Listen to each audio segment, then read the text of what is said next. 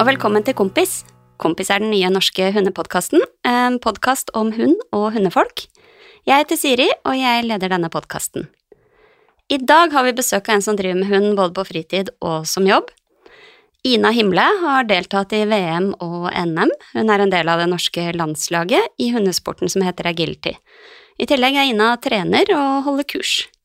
Å se Ina in action, både i konkurranse eh, og i trening, er veldig imponerende. Det er veldig gøy å se, det er full fart, og det er en, eh, et samarbeid mellom hun og Ina som eh, inspirerer meg og sikkert mange andre. Velkommen, og hei, Ina.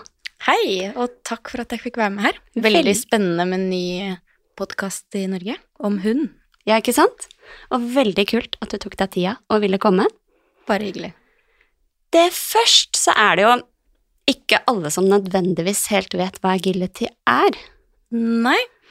Agility er en hundesport som går ut på at eh, hunden skal gjennom en gitt hinderløype. Eh, og da Den går på tid, og den går på feilpoeng. Så der har man eh, I konkurranse så har man en dommer som setter en bane, og den er ikke lik noen gang, så den er alltid ulik. Um, og deretter så er det føreren eller eieren eller den som løper med hunden, sin oppgave å føre hunden gjennom den gitte løypa som dommeren har satt. Uh, og den som vinner, er den som har færrest poeng og har raskest hund, sånn kort oppsummert. Uh, og så har vi i agility tre ulike nivåer. Så vi har den laveste klassen, den man starter i, som er klasse 1, og så må man ha gitte resultater i klasse 1 for å kvalifisere seg til klasse 2, og det samme opp til klasse 3, som er den høyeste klassen vi har. Ja, ikke sant. For sånne som meg som ikke driver med dette så mye, så blander jeg alltid, for man tenker på nummer én som de beste og nummer tre som liksom nedover, men, ja, men det er, motsatt. Ja, det er ja. motsatt. Ja. Og så har vi vært så heldige eh, at de siste årene så har vi hatt eh, en regelendring som har gjort at vi også har fått flere høydeklasser. Så vi har gått fra å ha small, medium og large til å ha ekstra small, small, medium, eh, large og ekstra large. Ja, ikke sant. Så en eh, schæfer konkurrerer ikke med en chihuahua? Riktig. Nei. Stemmer. Ja, for det er både hinder som man hopper over, mm. eh, og så er det litt andre type ting man skal over òg. Tunnel og litt forskjellige typer hindre. Ja, man skal over hinder gjennom tunnel, og så har man noen sånne spesialhinder som en mur og et hjul, for blant annet. Eh, og så har man sånne kontaktfelthinder hvor hunden skal klatre over eller vippe ned en vipp, for eksempel. Mm. Eh, og der er det da et sånt kontaktfelt som hunden må trakke på på veien av, da. Ja. Eh, enten om hunden stopper på det, eller om den bare løper over. Um, så det, og så har vi i tillegg eh, slalåm, så hunden skal gå sikksakk imellom. Ja. Mm. De ser ganske kule ut når hun etter hvert begynner å få det ordentlig til. Det kan gå veldig fort ja. eh, mellom der. Så jeg kan legge til, for de som er særdeles interessert, så er det også to ulike grener innenfor agility. Vi kaller det hopp og agility. Mm. Og de, de, eh, de kontaktfelthindrene finnes kun i agility. Ja. Så for nybegynnere så anbefaler vi ofte å starte i det som kalles hopp, da. Ja. Eh, for å trene litt på miljø og det å være på, i stevnesetting og sånn, og så ta disse kontaktfelthindrene som krever mye trening litt ja. etter hvert, da. For det er de du går over og vippa som beveger seg Riktig. når hunden er på den og sånn? Riktig. Det er et ja. Eh, bratt hinder som heter møne, det er ganske bratt, og så er det et litt lenger som vi kaller balansebom eller stige, eller hva man vil kalle den for noe, og så er det vippa, da, som vipper ned.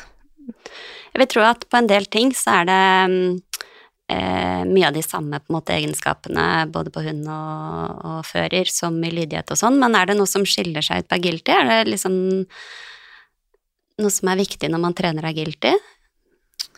Eh, det var et veldig godt spørsmål. Eh, jeg tror det skiller, det skiller jo litt eh, fordi at det handler mye om smidighet. Eh. Så det handler mye om smidighet på hund, så de hundene som beveger seg smidigst, er jo ofte de som gjør det best. Eh, og så kan det jo være en fordel eh, som handler å klare å bevege seg relativt fort, men det er absolutt ingen um, begrensning hvis ikke. Det er veldig mange i, på landslagsnivå som gjør det veldig bra internasjonalt også, som ikke klarer å holde følge med hundene. Um, men desto bedre trent må de jo være på gjerne f.eks. verbalkommandoer, da, sånn at de kan lysne på avstand. Ja, for verbalkommandoer, det er at øh, øh, den som fører hunden, kan stå relativt langt unna og i ro, og så be hunden om hva den skal gjøre. Ja, for eksempel. Så hvor mye den beveger seg, varierer jo veldig. Det krever jo en viss bevegelse, så klart, men desto bedre hunden er på disse verbalkommandoene, desto lettere er det jo å styre den fra avstand. Og bruker, vi bruker gjerne både verbalkommandoer og kroppen som, eh, som fører, når vi kaller det handling. Ja. Så det å vise med armene og være i bevegelse hjelper jo også det å føre hunden gjennom den eh, riktige løypa. Ja, for du får, eh, du får ganske god mosjon gjennom uh, Gilted. Ja, det er litt trim. Uh, Det er jo ikke kjempelenge man løper av gangen, da. Uh, Men det er klart eh, Det er jo Alt er bedre enn ingenting. Kan alle hunder drive med guilty, eller er det på en måte Det er jo lett å tenke på de mest sporty. Eh, Men er det noe, hvis det er der ute som har, noen er der ute som har lyst til å tenke på å starte, er det liksom, kan alle hunderaser på nybegynnernivå prøve? Alle hunder kan eh, gjøre agility. Alle handlere kan gjøre agility. Ehm, jeg har sett flere som har holdt på med agility i rullestol og fått det fint til. Ehm, jeg begynte jo når jeg var veldig liten, og, så det er jo også veldig mange barn som kan gjøre det. Mm. Ehm, så jeg vil si alle hunder, alle mennesker, kan begynne med agility. Og så blir det dessverre litt spissa ut mot toppen. Hvis man liksom tenker eliten, så blir det gjerne ofte litt mer spissa, spesielt i hunderaser. Eh, men som hobby så vil jeg si at absolutt alle kan drive med agility. Eh, jeg kan jo legge til at det er viktig at hunden er frisk eh, og relativt slank, normalvektig. En overvektig hund vil jo Det vil jo være høy påkjenning og belastning å gjøre den løypa, da. Så det at den er frisk og sunn er viktig, og utenom det så tenker jeg alle raser kan gjøre agility på hobbybasis. Det er jo litt gøy. Det er gøy å se veldig ulike hunder gjennom en agility-løype. Absolutt. Men det er, ehm, det er eh, Hvilke raser er det som utmerker seg på agility? Mm. Mye border collie? Eller? Ja, det er veldig mye border collie. Ja. Uh, I de store klassene så er det veldig mye border collie. Um, noe malinois. Mm. Ja, nå står noe kanskje jaktgolden og de type mm, litt sånn slanke, sporty hundene som man kan se for seg. I de mindre klassene så er det veldig, veldig mye Shetland sheepdog. Eh, men så er det også en del gode mm, eh. Og nå som vi har fått en ekstra småklasse i Norge, så er det også en del chihuahua eh, som holder på. Så det er gøy. Og ellers så er det også mye puddel. De gjør det bra også i de mindre klassene. Mm. Small og medium. Uh, ja, kom ikke på noen raser, men det er jo klart det er mange raser. Mm. Uh, uh, men som sagt så er det jo liksom opp mot eliten så er det jo gjerne de lettere og mer smidige hunderasene som på en måte um, viser seg frem, da. Mm. Men i de eh, i klasse 1 for eksempel så er det et stort, stort bredt, bredt eh, utvalg av hunderaser, som jeg syns er veldig gøy, for det er veldig mange hunder som har veldig mye glede Mm. av den hundesporten og syns det er veldig, veldig gøy. Mm.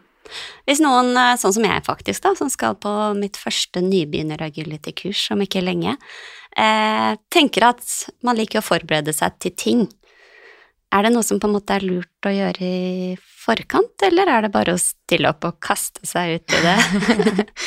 Der kan jeg jo komme med en milliard tips, så Ja, en klart. milliard, ja. ja, jeg har mange ideer, eh, men eh, det aller viktigste tenker jeg er at hunden er relativt god på innkalling, sånn at eh, man har kontroll. Og så er jo relasjon en veldig stor ting i agility. Eh, Så det at hun liker å jobbe med deg, så det å forberede seg med all type mm, triks, for eksempel, det at hun har lyst til å gjøre ulike arbeidsoppgaver sammen med eieren sin, tenker jeg er det mest nyttige man kan gjøre. Um, og det, da tenker jeg på alle slags triks, om det er liksom å dytte nesa i hånda, eller om det er en Post-It-lapp som man setter på uh, en eh, kjøkkenskuff som skal lukkes, eller om snurre eller sikksakk mellom beina. Her er det jo massevis eh, å ta av. Eh, så bygge relasjon er ny veldig nyttig, for det er jo ofte veldig eh, Det er jo ofte veldig stor la oss, som, eh, psykisk påkjenning å være på et sånn type kurs der det er masse andre hunder, og det er mye lukter og så videre.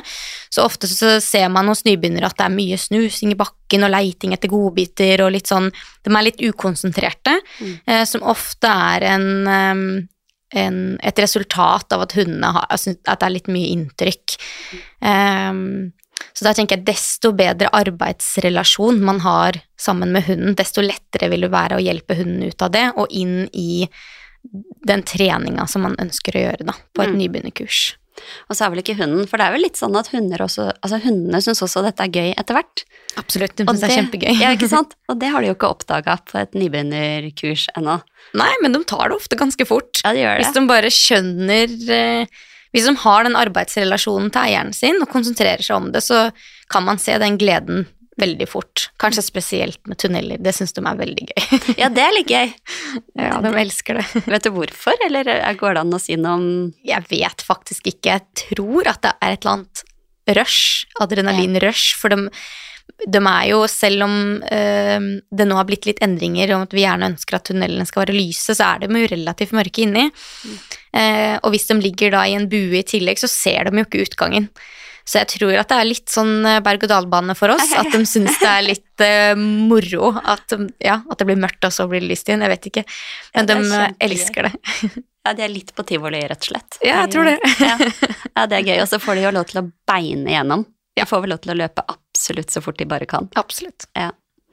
Så gøy. Um, I starten av Guilty, du snakket litt om konsentrasjon og den type ting. Er det det som er den største utfordringen? På en måte Jeg vil si det. Ja. At det er den største utfordringen eh, blant nybegynnere.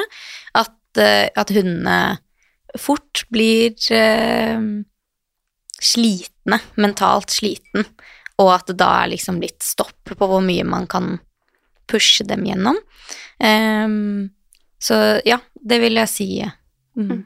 Så det betyr at hvis du trener agility, så trener du på samspill og samarbeid, så det må jo være en utrolig fin ting å få med seg også i andre ting. Absolutt. absolutt. Så der, der bygger man jo ved å trene agility også, så bygger man jo den relasjonen, som jeg også anbefalte å gjøre før man eh, gikk på nybegynnerkurs. Så det vil man også bygge for hver trening, så vil man liksom bygge forholdet mellom seg og hunden, som absolutt vil være en fordel også i hverdagen. Så gøy. Og så litt sånn um, Du nevnte så vidt at du starta tidlig. ja. Du sier litt om det. Hvor tidlig? Nå er jeg 27. Eh, jeg starta når jeg var ja, rundt seks år, så ganske Ja. tidlig. Det er tidlig. Ja. Eh, da drev min mor og far eh, smått med agility, og så begynte jeg å låne min mors blandingshund og løp litt med den. Jeg var nok kanskje rundt sånn åtte år da jeg begynte å konkurrere med den. Eh, konkurrerte litt med han, og så ble jeg jo litt bitt av basillen, som man pleier å bli når man først begynner en sånn morsom hobby. Eh, Så da, historien videre ble at eh, min farmor og bestefar kjøpte en sheltie, de hadde schæfere før, så de ville egentlig ikke ha sånne små hunder. Men da fikk jeg overtalt dem til å kjøpe en sheltie, som da bodde hos dem, men som jeg trente. Eh, Og det gikk jo så som så med en niåring som skulle ha kontroll på mm, dette alene. Man hadde jo noen rundt seg, men eh, jeg var ikke så god på å høre etter og ville gjerne få det til helt selv. Ja. Eh, men hun kom seg opp i den høyeste klassen og Ja. ble nå relativt god. Deltok på sitt eh, Så jeg deltok på ett norgesmesterskap. Ja. Eh, og så kjøpte jeg meg egen hund for konfirmasjonspengene mine. ja. Så da var jeg 15. Så da kjøpte jeg meg en eh, hund, en sheltie det også. Mm. Skrapte sammen alle sparepengene, og da begynte det på alvor. Så Ja. det var den første hunden jeg var med til VM med. Ja. I 2015 tror jeg vi var til VM. Mm. ja, og du var ikke så veldig gammel da heller. Jeg var 18, blir jeg ikke det da? Ja. Ja. Mm. Det er jo ganske imponerende, ja. rett og slett. Eh, hvorfor Sheltie eller Shetland Sheepdog? Jeg syns de var veldig søte på Ja. det tidspunktet. Um, syns de var veldig søte, veldig lette når vi var rundt på konkurranser også, så er de, de er relativt Jeg vil si det er en relativt enkel rase. De eh, bjeffer litt mye. Eh, men relativt enkel rase, og jeg syns de var eh, søte, rett og slett. Um, og letthåndterlig for en ungjente, egentlig, Mm. vil jeg, vil jeg påstå. Så Mm. det var derfor det ble Sheltie, og så har det jo blitt Sheltie deretter også, da. Ja. Så det ehm, Det er jo en hunderase som både er liten, men også smidig, og som passer til sporten. Mm. Så det er litt, uh, litt derfor. Men jeg kunne virkelig tenkt meg å prøve, Ja, prøve det noen andre tenkte jeg raser etter skulle hvert. spørre deg om, fordi at du har jo skjelt til nå, men du har, er, er du litt frista også å prøve noe annet? Det er jeg absolutt. Jeg har tenkt på det lenge. Eh, kanskje spesielt border collie. Ja. Prøve seg på noe litt større. Eh, men jeg har mange raser eh, som jeg kunne tenkt meg. Jeg syns working kelpie også virker veldig spennende. Mm. Og når jeg blir gammel, så har jeg lyst på en eh, jaktlabrador. Ja. Jeg syns de er så søte. det er koselig. Det, jeg prøvde faktisk å overtale min egen eh, mann til en Shetland sheepdog. Eh, jeg tror dessverre mengden pels skremmer vekk noen. ja, det er mye pels, og det er en del pelsstell. Man, eh, hvis man har pelsstell regelmessig, så er det helt ok, men det er ofte mye pels. Det varierer så klart veldig, det også. Eh, Mine er også veldig ulike i forhold til hvor mye pelsen krever. Men pelsstell og mye lyd kan Ja. man vel regne med. Ja, det er ikke sant. Men eh, du nevnte så vidt, du er rett og slett vokst opp i en familie med mye hund. Riktig. Ja. Riktig. Vokste opp med hund, eh, vokste opp med hund fra jeg var helt liten. Mm. Eh, vokste opp med schæfere. Eh, og har veldig gode minner om, så det er, for meg så er det ekte hund. Kjeltin er jo litt sånn liten, liten sak. Fortsatt. Eh, ja. Men eh, ja, vokste opp med schæfer, og så hadde har mamma i senere tid, fra den blandingshunden da jeg var eh, syv, da den var mest border collie, så hun har hatt border collie siden da. Mens min far har hatt shelter Ja, i senere tid. ja. Så gøy. Det er jo mange som på en måte maser seg til en hund hjemme, Ja, men og det må de fortsette med. ja. Skremme bort alle foreldrene her. ja. Driver foreldrene dine fortsatt Det gjør de. De er um, skilt, men mamma bor på Vestlandet og driver med agility, og min far er, driver også. Han er faktisk også dommer, så han uh, driver også. Så vi, uh, ja. Så gøy. Jeg tipper dere har mer avanserte hundeprater over kjøkken- eller middagsbordet enn mange. Det skal du ikke si. Det ehm, Så var det først den tidlige hunden, som du fikk veldig tidlig, og som var besteforeldrene dine sin. Mm. Og så en ny. Kan du, men du har fått flere hunder etter det? Ja, det har balla på seg litt. Eh, Jeg var da 15 når jeg kjøpte Key. Jeg er ikke så kreativ på navn, så da var jeg vel 18, ca. 19, kanskje 18-19, når jeg kjøpte We. Eh, veldig kreativt. Eh, og han er den hunden som jeg har gjort det best med. Han er en, min kjælevenn, som jeg pleier å si. Vi har en veldig, veldig, veldig god kjemi. Eh, Så når han var to, så hadde han et kull hvor jeg tenkte at eh, nei, men jeg tar en valp etter han, for eh, det må jo bli bra. Så da fikk jeg Sånn kreativ med navnet igjen, så da fikk jeg Chi. Eh, og han var veldig uheldig. Han var 16 uker når han knakk foten. Oi. Og det har gitt han litt sånn begrensninger i oppvekst, både med tanke på belastning og trening, så han ble jo Det tok jo veldig lang tid før han begynte treningen sin, men også sånn sosialt så fikk han veldig lite sosialisering, som sikkert veldig mange vet eh, har blitt anbefalt når de kjøper valp, og husk å sosialisere, så det fikk han jo veldig lite av. Um, og i tillegg så var jeg student på universitetet, Så det var veldig mange baller i lufta på en gang. Eh, Jeg hadde ikke valgt det på nytt hvis jeg hadde kunnet. Eh, Og så henta jeg i 2020 en hund fra Mallorca. Ja, Så langt. Det, ja, så det er den yngste jeg har nå, som jeg konkurrerer med nå. De to andre er eh, pensjonister. Ja. Så da er det lille Jet jeg løper med nå. Lille Jet. Mm, Hvordan kom du inn på KIO og Vi Altså, hvordan Helt ærlig, jeg vet ikke. Nei. Eh, key, det var uh, Det er lett å si når det er liksom korte navn, så det liker jeg jo. Mm. Eh, We uh, har jeg, det var, Han var en sånn veldig lykkelig valp, Ja. så han var så glad, så det var litt sånn We! Det bare kledde han. Så Altså når jeg først hadde liksom begynt på de to, så følte jeg at jeg måtte liksom holde meg til det når jeg, når jeg kjøpte Chi. Um, og så var det samboeren min, han eh, er utdanna pilot, så da ble det jet. Ja, Som min eh, kult. Ja. Som Det, et det må jo høres litt gøy ut hvis du skal rope på alle. Ja. Som en regle, liksom. Ja. ja da, det har gått fint, og de klarer faktisk å Veldig mange er skeptiske til at de klarer å skille på navnene sine, men det klarer de faktisk. Ja.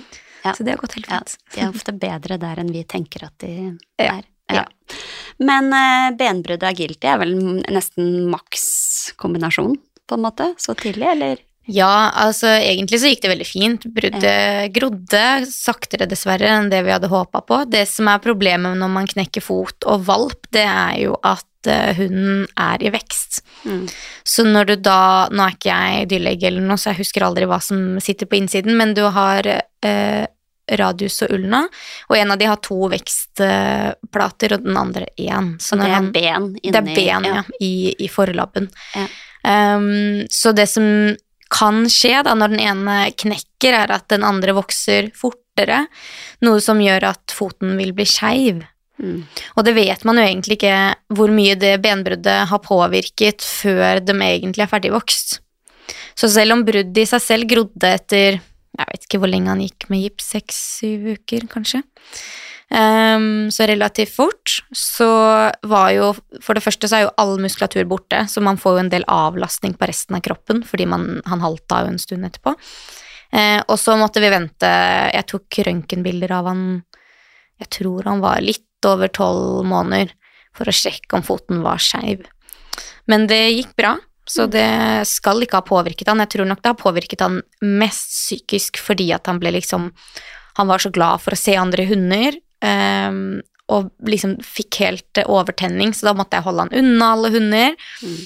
Noe som har gjort at det er en sånn anspent, et anspent forhold til å møte hunder sånn uventa, fordi at han Ja. Ja. Så jeg, tror- jeg tror hele jeg Mista en del i den perioden. Rett og slett. rett og slett. Jeg har ikke noe svar på hva som har skjedd, og hvorfor ting har skjedd, som, men um, det har ikke blitt helt som det burde. Nei. Mm. Det er en kritisk fase, så det er vanskelig å ta igjen. alt Eh, Riktig. ja. riktig. Men um, det er jo Altså, jeg eh, fant en liste over noe av de tingene du har oppnådd med hundene dine. Og jeg tenkte at dette her går ikke an å lese opp, for da tar det liksom hele podkasten bare å lese opp. Det er veldig, veldig imponerende. Du må jo ha nådd veldig mange av drømmer du visste du hadde, og drømmer du ikke visste du hadde. Absolutt. Det har vært eh, veldig, veldig stort å få oppleve alt man eh, har drømt om som, som liten. Um, og jeg tok jo sjansen allerede Jeg var jo veldig ung, og um, tok sjansen allerede da i 2014 og deltok på mitt første europamesterskap med um, Ki. Da var jeg jo ikke fylt eh, 18. Uh, og reiste alene og ordna og ja. Ehm, så når han fikk delta på VM, så er jo det liksom det største man kan delta på innen agility.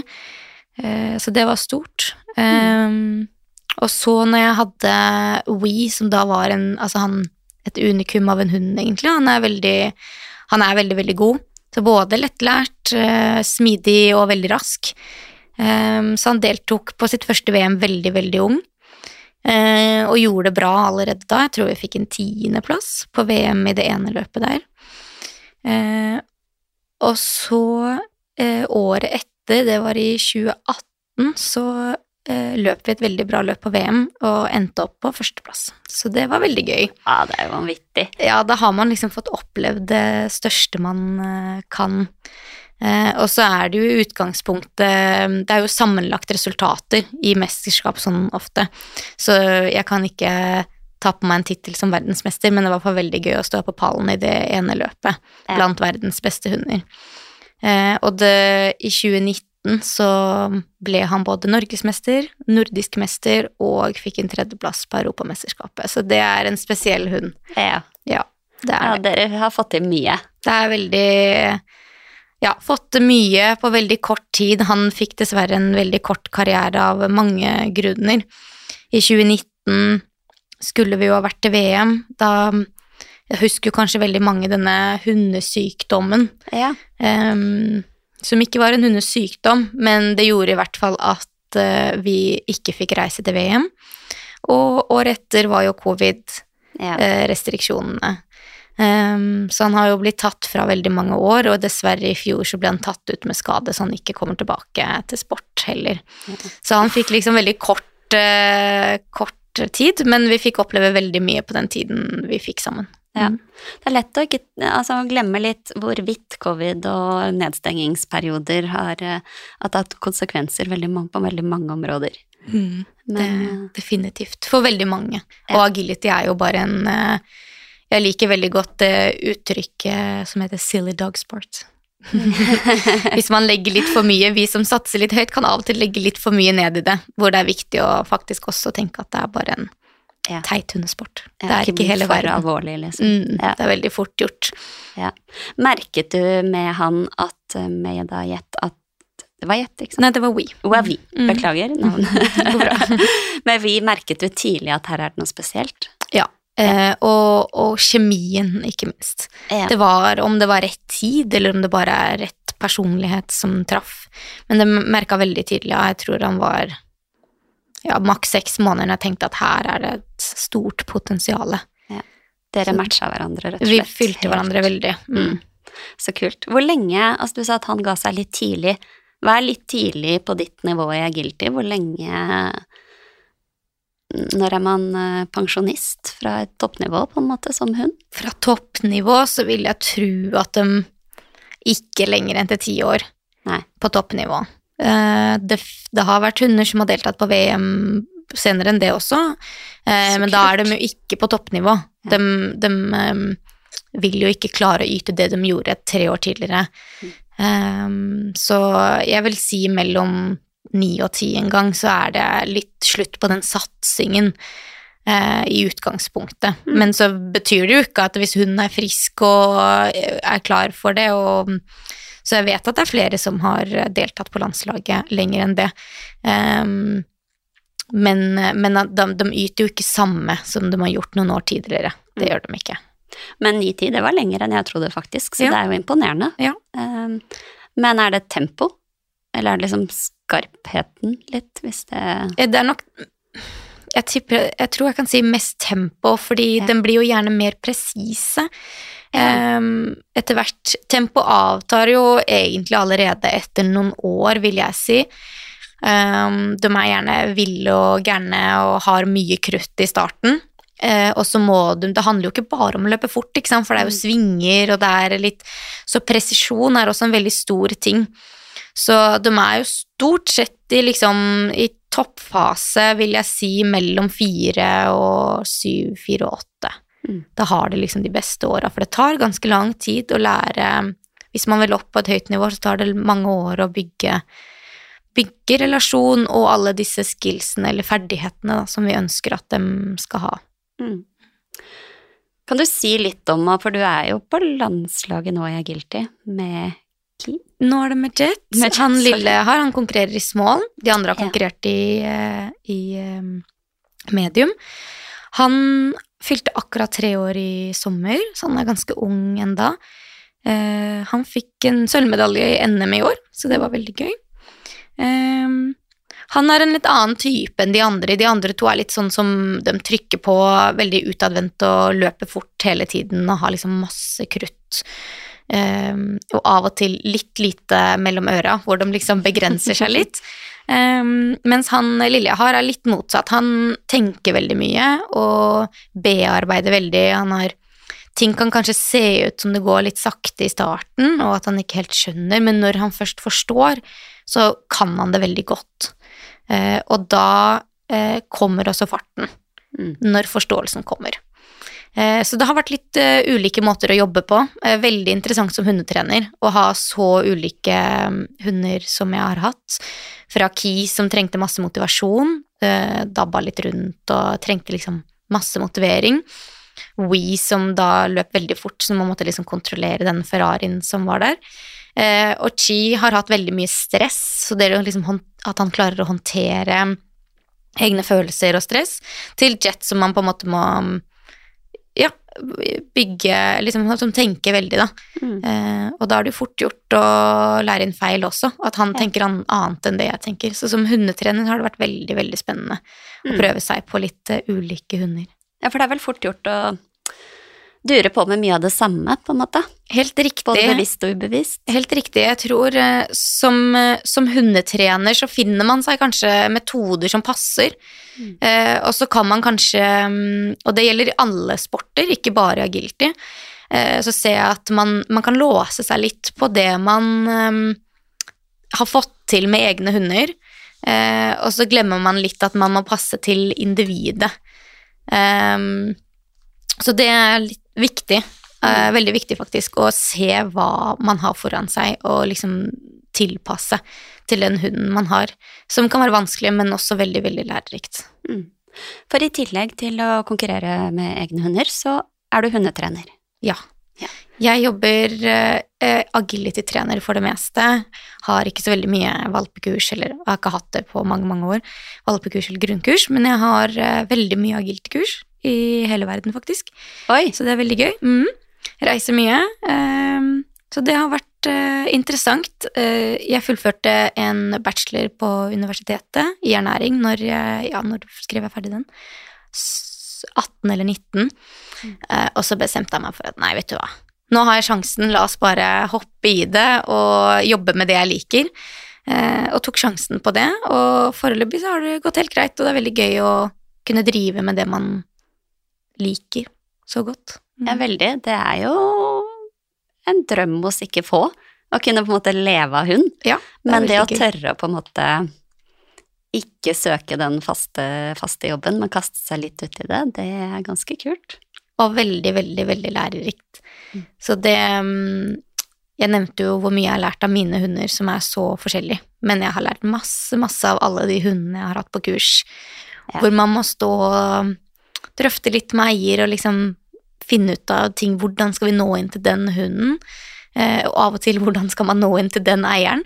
Eh, så det har vært eh, veldig, veldig Ja, jeg elsker jobben min. Det er Ja. veldig gøy. det vil jeg tro. For da trener du folk fra både på sånn hobby, relativt fersk nivå, til på en måte toppnivå. Helt riktig. Det varierer fra relativt nybegynnere til landslagsnivå. Mm. Mm. Så sånne som meg, som skal på nybegynnerkurs, kan rett og slett komme, løp- komme på kurs hos deg. Absolutt. Selv om nivåforskjellen i forhold til hva du driver med, er ganske Ja, ja, ja, stor. absolutt. Absolutt. Så kult. Du møter jo da masse forskjellige folk med forskjellige hunder uh, ulike relasjoner. Er det noe Noen sier jo at man trener mer menneske enn hund. Uh, hva tenker du, tenker du om det? Er det på en måte Er hundene stort sett relativt klare, og så må vi bare finne ut av hvordan vi guider en hund gjennom? Jeg vil egentlig si det, ja. Det er jo stort sett hvordan vi klarer å formidle det til hunden som er det magiske. Um, og det kan jo variere fra hund til hund. Uh, så man må liksom først lese hunden, men også lese mennesket, og hvordan det mennesket liker å jobbe, og hvordan hunden tar imot kunden. Altså? Det er hele, en sånn balanse da, mellom eh, hund og eier. Eh, men det handler nok mest om eieren som skal vite hva man skal formidle. For det er jo klart at det er jo ikke bare hunden som er nybegynner. Det er jo også eieren, ofte sånn som deg, som når du skal begynne på et kurs, du har jo gjerne ikke masse erfaring med det fra før eh, eierne heller. Så de skal jo også lære seg hvordan de skal plassere seg, og hvilke metoder man kan lære, det, lære hindrene inn med. Mm. Så det er jo ofte veldig valg og mm, ja, smidighet på oss også, da. Det å liksom lære å snu seg riktig og titte på hunden og det. Så det er veldig mm, Så mye på føreren. Men um, det er også veldig gøy å kunne jobbe med det, og når man lykkes og mestrer, så er det veldig, veldig moro. Og de fleste som begynner med agility, det er sjelden de slutter. Ja, det er gøy. Det ser veldig gøy ut. Jeg har prøvd litt med tidligere hunder, og selv på et sånn helt nybegynnernivå så er det jo det er en aktivitet du veldig gjør sammen med hunden din, som, som man fort ser at de syns er gøy. Ja. Men uh, vi kaller det jo hundetrener, men du trener jo egentlig litt både hund og menneske. ja, det blir det. Det uh, Men kurs, var det på en måte naturlig å starte med fordi du har drevet med dette så mye selv? Jeg har jo hatt litt kurs eh, ved siden av skolen eh, i mange år, egentlig. Ja. Eh, så, men jeg husker, jeg husker det første agility-kurset jeg hadde, det var veldig, veldig skummelt. Eh, så det var eh, Jeg er opprinnelig fra Vestlandet, så det var på Voss. Det var det første betalte kurset jeg tok. Jeg hadde ikke sånn kjempemange deltakere, men eh, De betalte ikke store slanten heller, fordi jeg turte ikke å ta meg betalt for noe når jeg ikke visste om jeg klarte å prestere, men det gikk veldig, veldig bra. Folk var veldig fornøyde og ga gode tilbakemeldinger. Og så utvikla det seg bare der, så tok jeg liksom ett kurs til her og ett der, og så Mm. har det egentlig bare blitt uh, mer og mer. Mhm. Og rundt i verden, hvor, eh, hvor i verden er agility på en måte stort? Er, det, er du overalt, eller er det noen land som på en måte er gjengangere? Jeg har vært litt overalt. Um, agilityen er størst i Europa. Ja. Um, og hvis man skal se på eliten, så ligger den rundt, eh, rundt Tyskland. Det er veldig mye gode tyskere. Eh, men eh, ja, vi har veldig mange gode i Norden også. Både Norge, Sverige, Finland har vi veldig mange gode også. Mm. Så Giltin er veldig utbredt i, i Europa. Men det er jo også ganske utbredt med De har jo litt andre typer agility i USA, for eksempel. USA og Canada. Eh, og litt andre liksom, grener. Og Storbritannia har også gjerne litt ulike typer grener. Litt mer enn det vi har i Europa. Ja. Men eh, ja, ganske utbredt overalt, egentlig. Folk er glad i å ha det kjekt med hundene sine. Ja, ikke sant? Det er gøy at vi eh, blander litt kunnskap på tvers av landegrenser. Har du med hundene når du drar? Det varierer veldig. Eh, han lille har jeg hatt med en del fordi han kan fly inni flyet. Eh, men så reiser jeg jo også med bil til en del kurs, og da kan jeg jo også ha med. Så det varierer veldig, men eh, kommer an på hvor langt jeg skal. Om Ja. det passer seg å ta de med. Det er jo ofte lange arbeidsdager, så det er jo ikke alltid så hyggelig å la dem bare ligge i time inn og time ut. Du har litt, eh, som du sa, litt kompetanse på ernæring. Eh, Er det et område du er opptatt av i forhold til hundene? Absolutt. Eh, jeg skal ikke sånn kjempemye inn på det, men jeg eh, jobber også for et hundefòrmerke i Finland. Mush. Du kan godt si hva det er. Ja, Mush heter det. Så der økte jeg min stilling nå i august, så der, nå jobber jeg der faktisk 50% og syns det er veldig interessant å lære mer om ernæring på hund. Så jeg var faktisk eh, Forrige uke så var jeg i Finland og ehm, hørte på et seminar som de hadde på universitetet eh, i Helsinki. Ehm, så der la de frem eh, den nyeste forskninga de har på diett og sykdom innenfor hund. Ja. Så jeg syns absolutt det er et veldig, veldig veldig spennende tema. Mm. Veldig. Og så er det et litt sånn stort tema. Jeg møter mange hundeeiere, og meg selv inkludert, på at det, kan være litt sånn vanskelig å orientere seg Mm. i eh, Det er liksom les bak på pakken, ja, så snur man pakken og leser, og så blir man ikke nødvendigvis kjempemye klokere. Nei, absolutt ikke. Og det er veldig mange, akkurat som på mennesker, veldig mye meninger. Sånn, det vil man uansett hvor man titter inn på kosthold til oss også, så er det jo veldig mange mener at det er absolutt best å være veganer, og andre mener at man burde være karnivor, og ja, så det er, eh, det er Man har ikke noe ensformig forskning som sier liksom én enkelt ting, eh, men jeg er opptatt av, på samme måte som jeg er opptatt til meg selv, å spise mest mulig råvarer, eh, så tenker jeg det samme for hundene. Ja. Mm. Så du gir det til egne hunder. Ja, Mest mulig. ja. Så bra. Em, jeg pleier å ha med eh, noen fakta om hund, og nå fant jeg noen fakta om agility. Moro. Jeg er spent på å høre. Så se om du kan. Det kan hende du kjenner til disse, men de var nye for meg. Eh, det er at hundesporten agility, som for øvrig ikke har fått et Vi, vi har ikke noe norsk Altså, vi bruker agility, vi har ikke noe norsk versjon, Nei. eller norsk navn. Mm. Eh, at det har sin opprinnelse i Storbritannia. Ble første gang presentert offentlig i februar 1978. Eh, og at like etter eh, sporten eh, ble presentert, så ble den også eksportert til USA. Eh, I Norge ble agility godkjent som konkurranseform av Norsk Kennelklubb den 27. januar 1986. Mm. Så det er jo Det er en, begynner å bli en stund siden, men det er ikke så lenge siden. Nei, det er, eh, det er ikke Ja, nei, det er ikke så lenge siden. Nei. Men det har eh, Sporten har utvikla seg bare fra når jeg begynte, så har det gått veldig fort. Sporten er mye, mye større nå. Eh, noe jeg syns er veldig, veldig gøy. Det gir jo også mer konkurranse i toppen, eh, men det gir også bredere, en bredere bunn. Ja. Så ikke sant, det med raser og at flere før i tiden så hoppet man også På den tiden så var det jo nesten litt sånn høydehoppopplegg. Nå om å hoppe høyest mulig, nesten. Ja. Eh, noe som utelukka de små rasene. Eh, sånn at eh, jeg syns også at det at sporten har utvikla seg så fort, gjør også at det blir mer mangfold på bunnen. Mm. For den har jo eh, Jeg var litt borti agility litt tidligere, og det er litt sånn hindre som har forsvunnet ut, og den har endra seg litt. Det stemmer. Før så var det jo også et sånt vannhopp. Ja.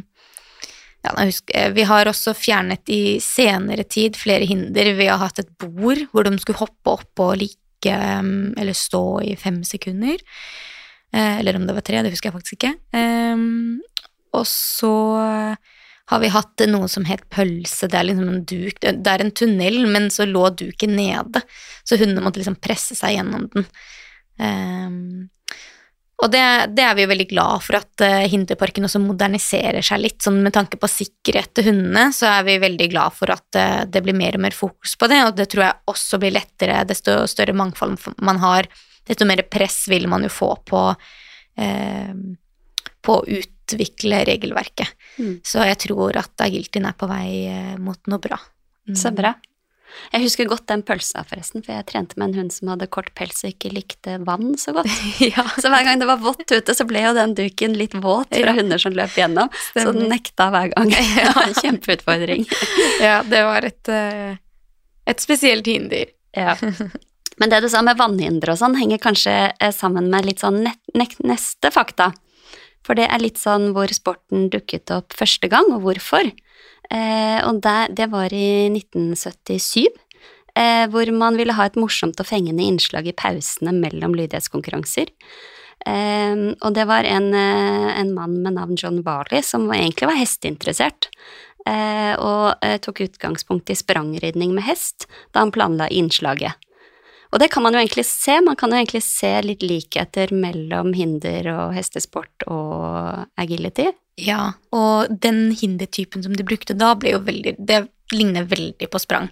Ja. Eh, og det er jo sikkert der ikke sant, vannhoppet og sånt stammer ifra. Ja. Eh, og muren gjerne. Ikke sant, det er veldig mye likt som, eh, som i sprangridning. Så det er nok hentet fra det, ja. Mm. Ja. Det er gøy. Og så har jeg eh, fem eh, faste spørsmål. Eh, som kan svare kjapt eller langt. Det er helt frivillig. eh, det første er rett og slett hva er det beste med å ha hund?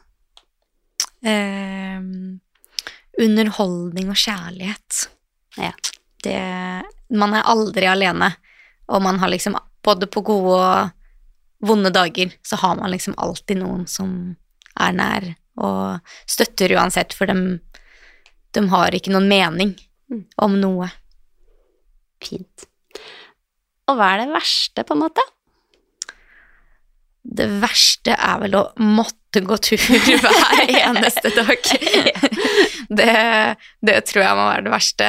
Det, det går fint eh, 99% av tiden, men så har man den ene dagen, en grå søndag, hvor man bare skulle ønske at man bare kunne ligge på sofaen, og så må man liksom ut. Mm. Eh, Det tror jeg er det verste.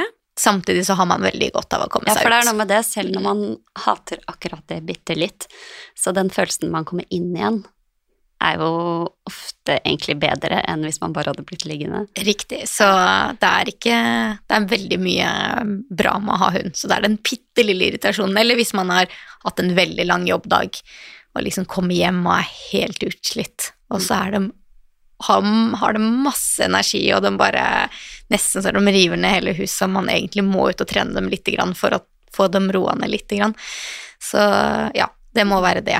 Den, den ene prosenten av de dagene hvor man egentlig bare har lyst til å ligge på sofaen. Ja, det er litt godt å høre at de eksisterer også hos deg, som er såpass profesjonell. Ja. Absolutt. Eh, har du eh, siste rampestrek en av hundene dine mm, gjorde? Det Gjør de noen rampestreker? var et godt spørsmål. Jeg tror det må være Nei, de er faktisk ganske snille. Eh, og det har de vært, eh, alle sammen. Eh, jeg tror det må være Ki. Han var en sokketyv. Og han Ja. kunne ha mange i munnen på en gang. Eh, og han kunne gjerne dra de av deg på beina hvis du satt eh, Så han var en skikkelig sokketyv, Så det var eh, sokker overalt. Ja, det er utrolig hvor mange sokker. Det kan, man tenker ikke at man har så mange sokker før man har en hund som liksom samler fram de. de. ja, jeg tror det må være det. Ja. Eh, har hundene en favorittperson, bortsett fra deg, selvfølgelig? Absolutt. Eh, Hundene knytter seg jo absolutt til, ehm, til meg, fordi jeg er deres hundemamma. Men eh, han mellomste jeg har, han er virkelig eh, pappagutt. Ja. Så eh, han og samboeren min, de har en så god kjemi. Eh, og med han har ikke jeg liksom den største kjemien. Så mm, Det er med samboeren som er ja, Ja. Så de er eh, Så We og Jet er liksom mammagutter, og så er det Chi som er pappagutt. Ja. Så han eh, står høyt på lista der. Jeg tror jeg hadde blitt vraka hvis den måtte velge. Det er veldig bra. Har, eh, nå har jo du flere hunder, så det kan hende de har ulike preferanser, men har de noe favorittmat eller favoritt, favorittsnacks? Er det noe som på en måte er høyest på lista? Uh, det tror jeg må være rå bein. Ja. Da får de liksom litt uh, Da får de frem rovdyr i seg. De elsker å ligge og gnage på sånne kjøttbein. Det syns de er kjempe, kjempegodt å tygge lenge på. Ja. Mm, det tror jeg er favoritten. Da er de Mm. opptatt en liten stund. Da, ja, det er veldig deilig det òg. På dager man ikke gidder å gå ut så mye, så passer det veldig Eller ikke har tid til å trene de, Ja. så passer det veldig bra. Eh, og så eh, siste. Sove i egen seng eller i deres seng? Eh, akkurat nå i eh, deres egen. Eh, Men eh, veldig lenge så sov de i senga. Så når jeg bodde i kollektiv, så bodde de på soverommet og sov i senga.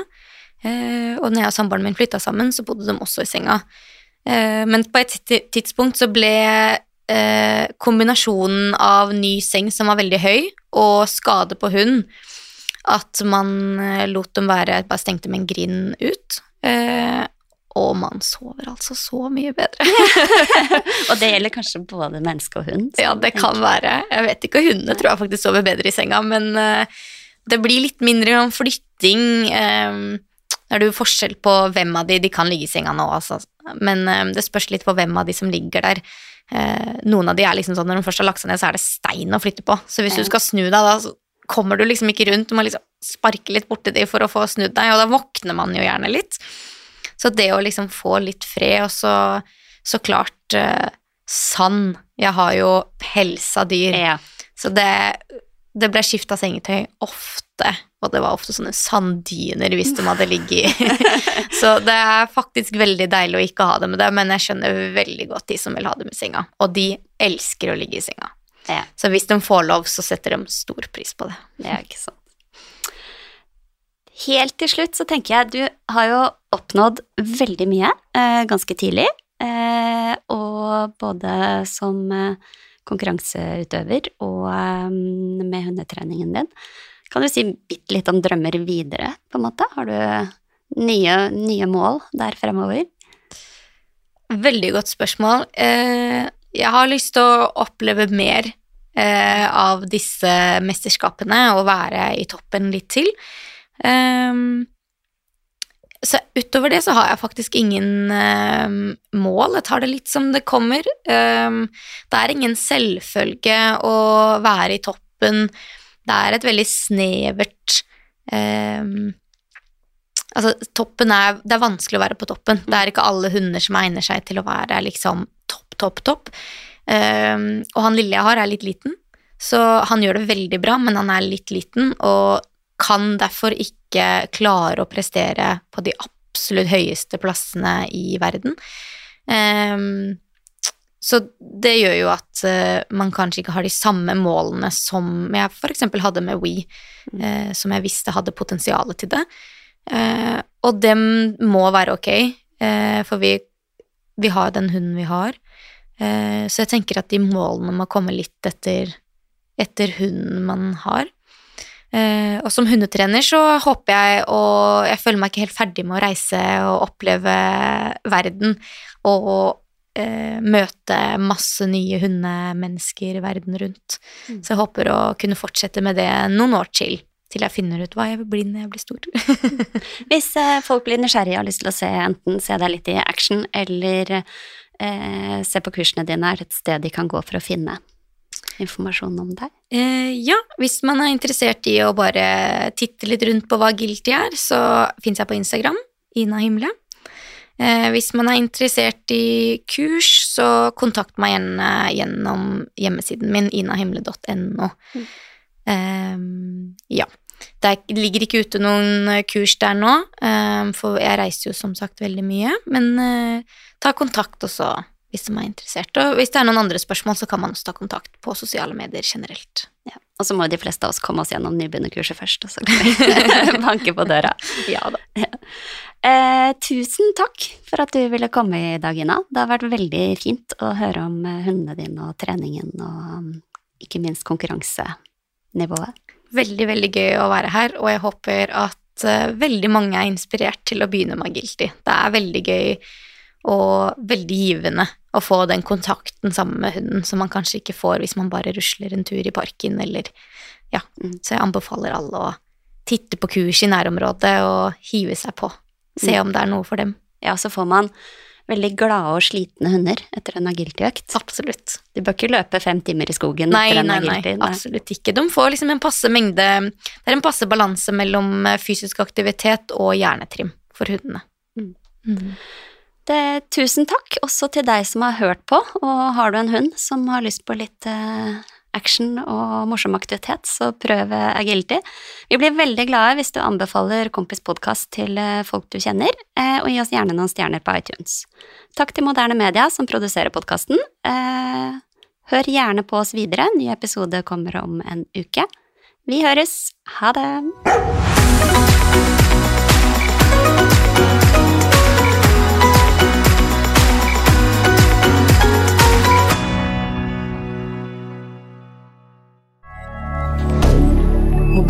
milliardaire